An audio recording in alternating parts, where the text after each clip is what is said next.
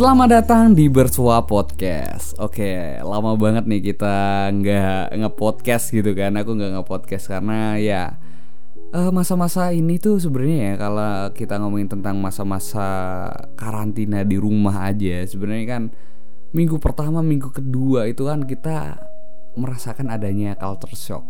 Yang tadinya tuh kita udah uh, hidup dengan kebiasaan yang lama, yang kemudian kita dorong untuk ada di sebuah situasi yang baru ya kita harus menyesuaikan gitu kan. Nah, pada awal-awal itu di masa-masa pandemi corona ini, waduh aku sangat-sangat sangat tidak produktif gitu kan. Kalau ngomongin corona ini ya, aku satu dua minggu pertama waktu disuruh di rumah aja itu ya, wah gila men, aku rebahan aja, tidur tiduran nonton Netflix gitu kan. Maraton drakor waduh gila banget gitu kan. Tapi ya sekarang uh, adanya pandemi ini juga merubah kebiasaan aku. Jadi ini sekitar jam 12 siang sebenarnya aku tag ini. Aku bangun tuh sekitar jam 10 waduh kebu banget nih danang. Sebenarnya enggak men. Aku tuh kayak menjadi manusia kalong gitu loh kalau boleh curhat gitu kan. Jadi manusia kalong yang dari pagi jam 10 bangun gitu kan bangun berhubung ini Ramadan juga bangun terus buka jam 6 terawih dan lain segala macem sendiri di rumah habis itu tetap kerja ngedit dan lain sebagainya. Dan entah kenapa ya kan entah kenapa jam-jam inspiratif itu datang jam satu pagi satu subuh gitu kan. Itu jam-jam produktif jadi ya udah uh, sekalian nggak usah ditidurkan. Maksudnya kalau aku tidur jam-jam segitu malah takutnya nggak bangun sahur gitu kan. Jadi aku bablas sampai uh, subuh habis sholat subuh baru tidur sampai jam 10 itu uh, sedikit cerita tentang adanya COVID-19 ini. Hingga akhirnya aku memutuskan untuk uh, tag audio lagi untuk podcast bersuai ini. Uh. Gokil. Oke, okay, apa kabar kalian nih? Uh, aku harap ya kalian tetap baik-baik aja di tengah pandemi ini dan tetap jaga kesehatan gitu kan. Ya, ya namanya kondisi men. Mau gimana lagi ya kita udah uh, sambat kalau istilah orang Jawa sambat, sambat, sambat, sambat terus ya mau sampai kapan gitu kan. Nah, Sebenarnya uh, sesuai judulnya kalian pasti tahu lah ya apakah kampus bagus itu menentukan kesuksesan. Sebenarnya sebagian besar dari kalian udah ada pasti bisa jawab tidak gitu kan. Sebagian besar dari kalian pasti jawab enggak lah gitu. Tapi alasannya apa sih gitu kan? Nah, gini. Bermula dari ya sebenarnya pada tanya gitu kan di Instagramku. Kalau kalian belum tahu Instagramku silahkan follow gitu. follow di @desadewa T H E S A D W A. Jadi nggak di Instagram nggak di YouTube mereka pada tanya, bang berhubung aku sekarang lagi sering bahas kampus gitu kan masuk kampus bang uh, jurusan ini peluangnya gimana bang di UGM itu uh, jurusan yang peluangnya gede apa gitu kan Nah, berdasarkan itu gitu, aku tuh gedek banget men kayak men, lu tuh kuliah itu mau nyari ilmu apa mau nyari gengsi sih gitu kan. Berdasarkan dari statement itu, terus aku live gitu kan. Live tuh ya isinya aku kayak orang marah-marah doang gitu kayak aduh ini orang tuh kalian udah gede kalian tuh harus mikir oke lah aku nggak apa ya aku nggak nggak mengecilkan harapan kalian untuk kuliah di universitas bagus. Ya kalau kalian punya uh, impian seperti itu ya pertahankan gitu loh pertahankan dan harus kalian perjuangkan. Tapi kalau kalian udah niatnya wah yang penting aku masuk UGM yang penting aku masuk UI yang penting aku masuk ITB itu yang itu yang harus di diluruskan lagi gitu loh men. Karena ketika lu udah mikir kayak gitu waduh hidup udah nggak berkah gitu kan. Karena sesuatu hal itu kan memang dimulai dari niat gitu kan. Kalau niatnya udah nggak baik ya mau gimana gitu. Nah sebenarnya kembali lagi ke topik kalau ngomongin tentang kampus bagus itu menentukan kesuksesan apa enggak gitu. Sebenarnya ya kalian tahu kan enggak. Cuma ada beberapa alasan men. Gini. Loh kan aku masuk contoh nih aku anak UGM gitu kan ah contoh nih aku aku tuh udah belajar banget gitu kan. Aku udah masuk di salah satu jurusan di UGM otomatis aku bisa sukses dong karena aku di, bisa uh, mengalahkan puluhan ribu orang bahkan ratusan ribu orang yang pengen masuk UGM oke bener. Kamu udah mengeliminasi ratusan ribu atau puluhan ribu orang yang pengen masuk di UGM itu benar tapi kan hidup nggak cuma perjuangan masuk UGM aja gitu kan. Contoh nih ya kan? Contoh. Karena kamu kalau ngomongin tentang oke okay, udah masuk UGM aman otomatis uh, sukses. Enggak juga gitu kan. Aku ngomongin sekarang uh, di di UGM sendiri gitu kan. Aku nggak perlu sebutin gitu. Banyak temanku yang yang dia juga masih bingung gitu kan quarter life crisis terus dia juga aduh ini gimana ini kuliah aku? Aku mager kuliah gitu kan. Nah kalau yang terjadi seperti itu ya mau gimana gitu? Apakah memang uh, sebuah institusi itu menjamin sebuah kesuksesan? Kan nggak juga gitu kan. Sebenarnya yang pengen aku tekanin di sini adalah sebenarnya kalau kamu masuk di kul kuliah di kampus ternama itu memang bagus But itu tuh lagi start aja man. Jadi journey is begin gitu loh. Belum kamu tiba-tiba dapat victory enggak. Kalau di penulisan skenario gitu kan waduh. Ngomongin skenario gitu kan. Uh, di di beberapa sekuen itu kan uh, kalau kalian lihat film itu kan ada sekuen di mana uh, si aktor si tokoh utama itu menemukan sebuah false victory gitu kan.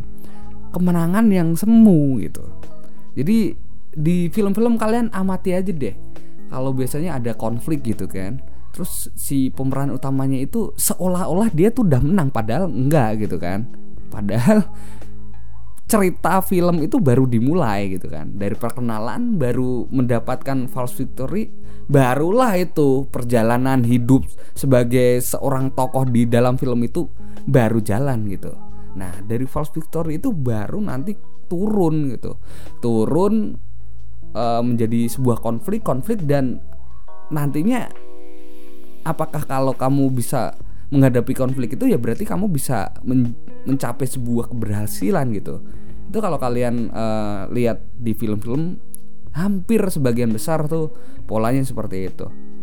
Nah sebenarnya kalau kamu masuk di kampus yang top gitu itu modal memang modal modal gede banget. Itu ya kalian harus bersyukur lah gitu kan. Itu modal gede banget karena lu dapat relasi tuh nggak cuma ya dulu lah men SD paling ya satu desa satu kampung kamu aja gitu kan satu uh, komplek kelurahan atau komplek perumahan kamu aja temen-temennya terus naik ke SMP SMP ya lingkupnya ya hampir satu kecamatan gitu kan terus kalau kamu SMA ya mungkin satu kota itu udah banyak temennya dari mana-mana.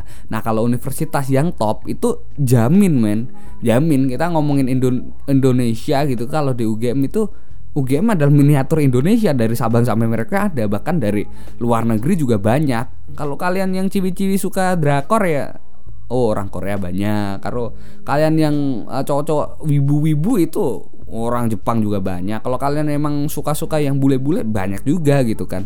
Nah, itu salah satu benefit dari kampus uh, yang ternama, kampus yang memang udah bagus.